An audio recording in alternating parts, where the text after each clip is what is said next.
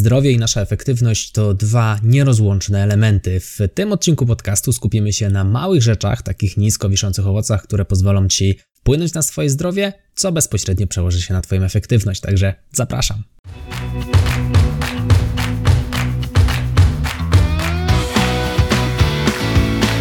Chcesz przenieść swoją karierę na wyższy poziom?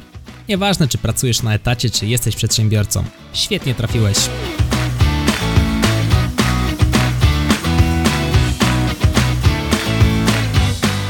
Nazywam się Michał Kowalczyk i witam Cię w Excellent Work Podcast.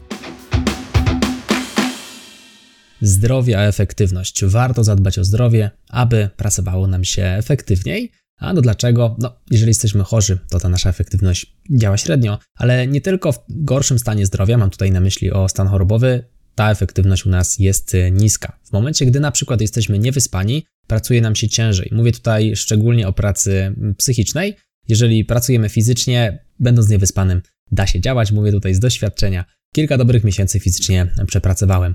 I teraz o co chodzi z tym snem? W odcinku 66 znajdziesz 18 zasad dobrego snu.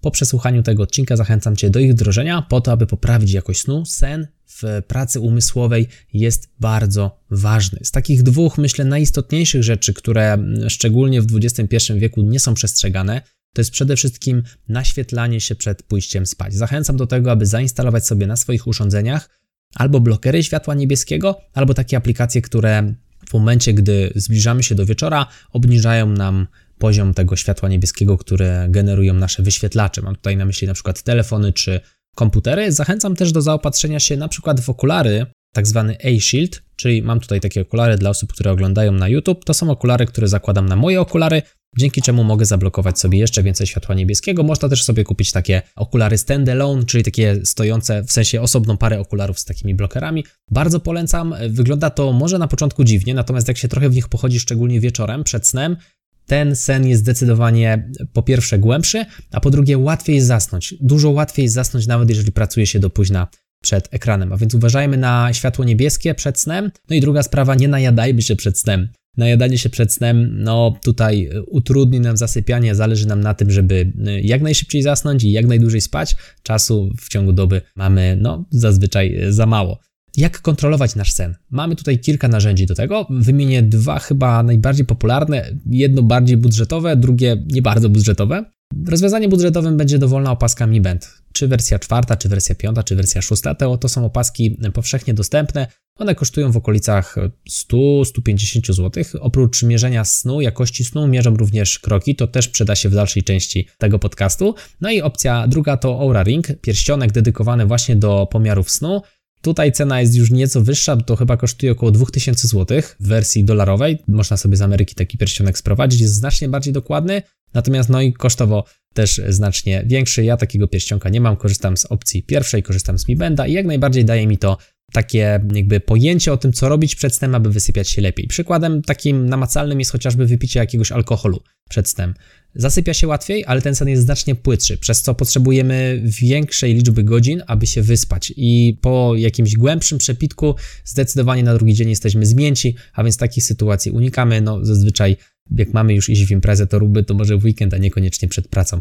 Także ze spożywaniem alkoholu uważajmy przed snem, zdecydowanie nam utrudnia wyspanie się, a człowiek niewyspany do pracy tutaj mentalnej, do pracy, do używania głowy, no jednak będzie spisywał się średnio. Kolejna sprawa to kwestia związana z badaniami. Warto zadbać sobie o kwestie związane z hormonami. Jeżeli mamy na przykład nadwagę, może przyglądnijmy się kwestii związanej z tarczycą, kwestii związanej z trzustką. To są dwa gruczoły, które wydzielają hormony związane właśnie z przemianą materii. Zbadajmy sobie te gruczoły, zbadajmy sobie poziom hormonów, sprawdźmy testosteron, jeżeli jesteśmy tutaj mężczyznami, ponieważ ten testosteron u, u, facetów jest odpowiedzialny za chęć działania. I teraz taka, myślę, istotna informacja, o której warto wiedzieć, nadwaga wpływa na obniżenie tego poziomu testosteronu, a więc czasami jeżeli czujemy, a nawet nie czasami, albo długoterminowo, jeżeli czujemy taką małą chęć do działania, być może warto byłoby się przyglądać naszej masie ciała.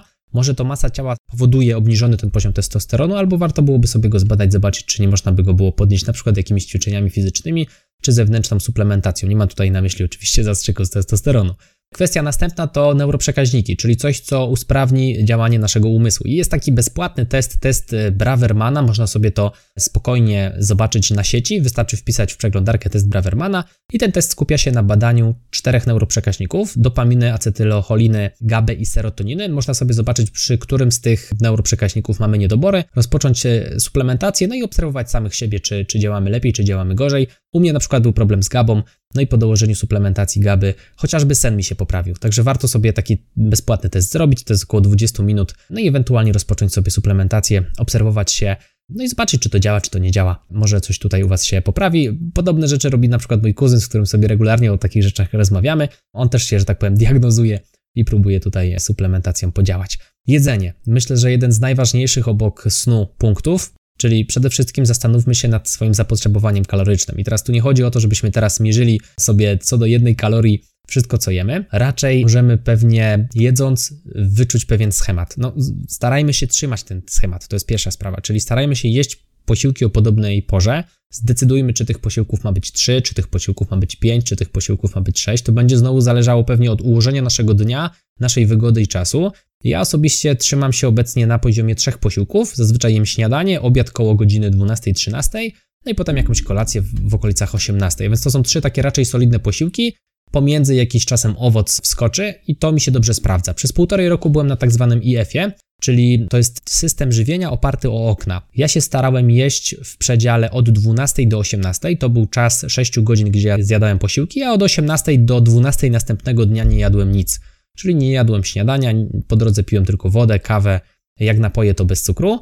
To jest pewien sposób żywienia, który tutaj gra na hormonach, szczególnie na hormonie wzrostu i insulinie. Natomiast może nie wchodźmy w taki duży szczegół. Zobacz, czy ten tryb żywienia ci będzie odpowiadał. Ja powiem szczerze, bardzo sobie go chwaliłem. Jest wygodny przede wszystkim, no bo w zasadzie tylko 6 godzin jedzenia powoduje, że resztę czasu mogłem spędzać na jakichś innych aktywnościach, jak na przykład pracy czy spędzaniu czasu z rodziną. Nie zastanawiałem się nad jedzeniem. Problematyczne tylko były wieczory, kiedy szło się na przykład do kogoś, była jakaś okazja, no zazwyczaj takie rzeczy działy się wieczorem, więc tutaj były problemy. Raz na jakiś czas sobie można oczywiście od takiego jefa zrobić wyjątek. Ketoza, też modny styl żywienia, to raczej nie jest związane z tym, ile jemy posiłków, a z zapotrzebowaniem naszego organizmu na kalorie i kwestią związaną z wyłączenia węglowodanów w naszej diecie. Czyli mocno tutaj opieramy się na tłuszczach i białkach. Staramy się, aby organizm czerpał energię z ciałek ketonowych, czyli znów wchodzimy trochę głęboko, natomiast w dużym skrócie tłuszcze i białka to jest coś, co jemy, unikamy węglowodanów. A więc pewnie taka jajeczniczka na boczku to będzie wchodziła regularnie. Teraz, jeżeli jesteś ciekawy tego tematu, znowu zachęcam do tego, aby zasięgnąć albo rady specjalisty, nie, nie wchodząc tutaj głębiej, albo sobie trochę poczytać o takim stylu żywienia, być może będzie Ci tutaj odpowiadał. Kwestia związana z insulinoopornością to się wiąże ze stylem naszego żywienia. Przykład takiej insulinooporności, jeżeli zjemy sobie na śniadanie jakieś węglowodany, czyli na przykład jakieś płatki owsiane załóżmy, czyli taka, bym powiedział, optymistyczna wersja śniadania, płatki owsiane na śniadanie nie są wcale złe, i czujemy się bardzo senni po tym naszym śniadaniu, być może będziemy potrzebowali przyglądać się tema tematowi właśnie naszej insulinooporności, zrobić sobie na przykład krzywą cukrową, sprawdzić jak tutaj ta nasza insulina się zachowuje.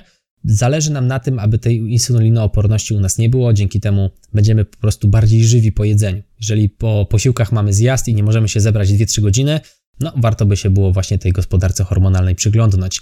Starajmy się unikać cukrów prostych, czyli no coś, co pewnie słyszymy z każdej strony, jakieś słodycze, ciastka i inne rzeczy codziennie, to raczej nie bardzo. I to jest kwestia związana z takimi raczej nawykami, z czymś, co robimy codziennie. No bo jeżeli zjemy raz dziennie cukierka, to nic się nie dzieje. Natomiast jeżeli będziemy jedli te cukierki regularnie przez 15 lat życia, no to z tych pojedynczych cukierków zbiera się całkiem spory zasób kalorii, nie?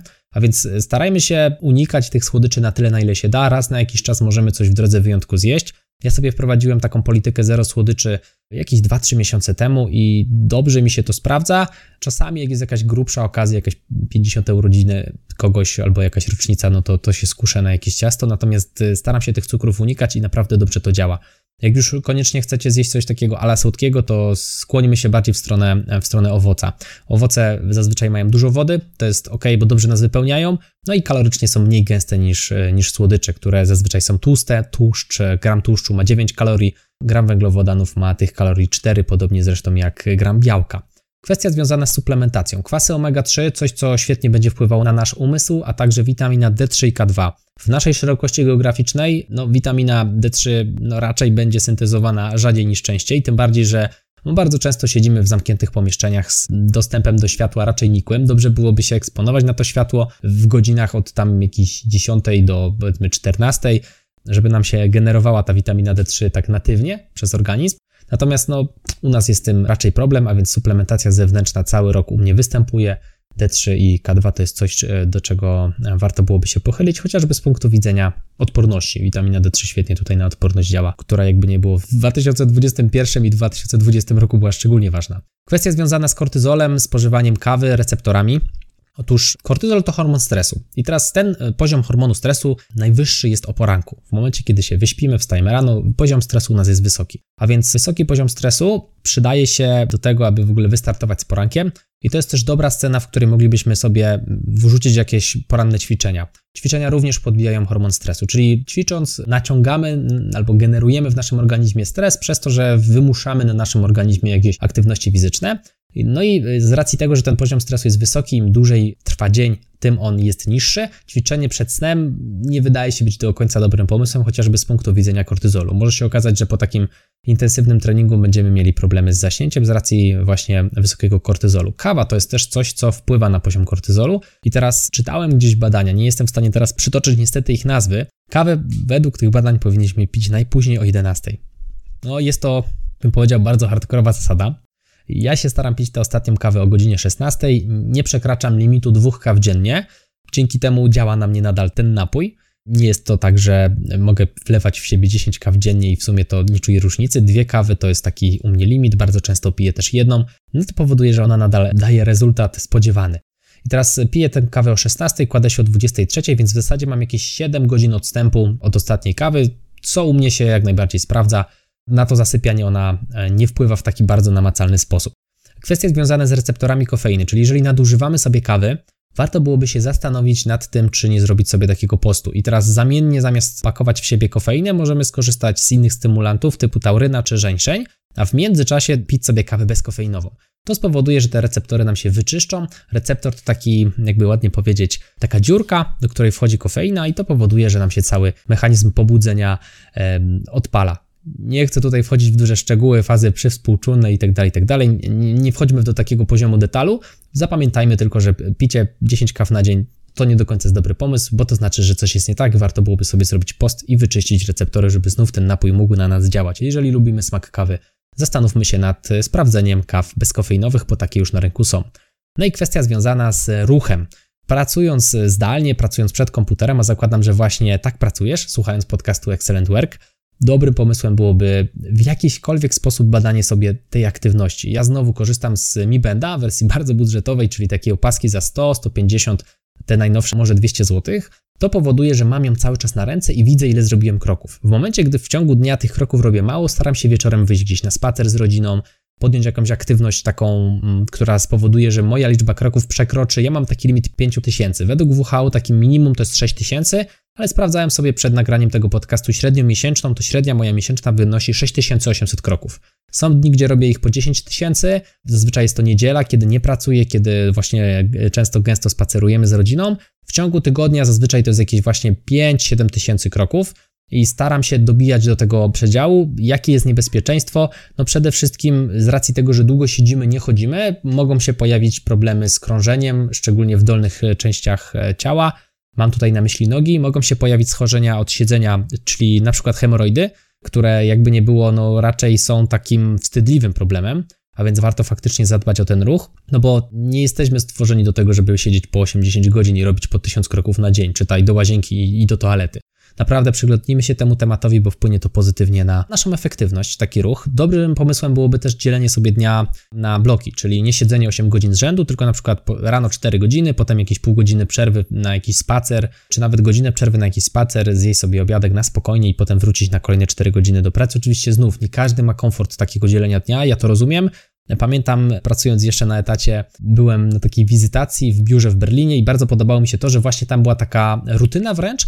Wszyscy szli na obiad tam około godziny 12, zjadało się obiad, a potem się szło na rundkę wokół biura. Robiło się taką rundkę wokół biura właśnie w charakterze spaceru, no i wracało się do pracy. To było takie fajne odcięcie dnia na pół i zajmowało to może w sumie pół godziny, 40 minut, mam na myśli obiad plus ten spacer i naprawdę dobrze to działało, w sensie człowiek był bardziej rzeźki, kiedy przeszedł się po prostu, jeżeli oczywiście pogoda pozwalała, przeszedł się po prostu wokół biura. Warto też przewietrzyć sobie pomieszczenie, w którym się pracuje.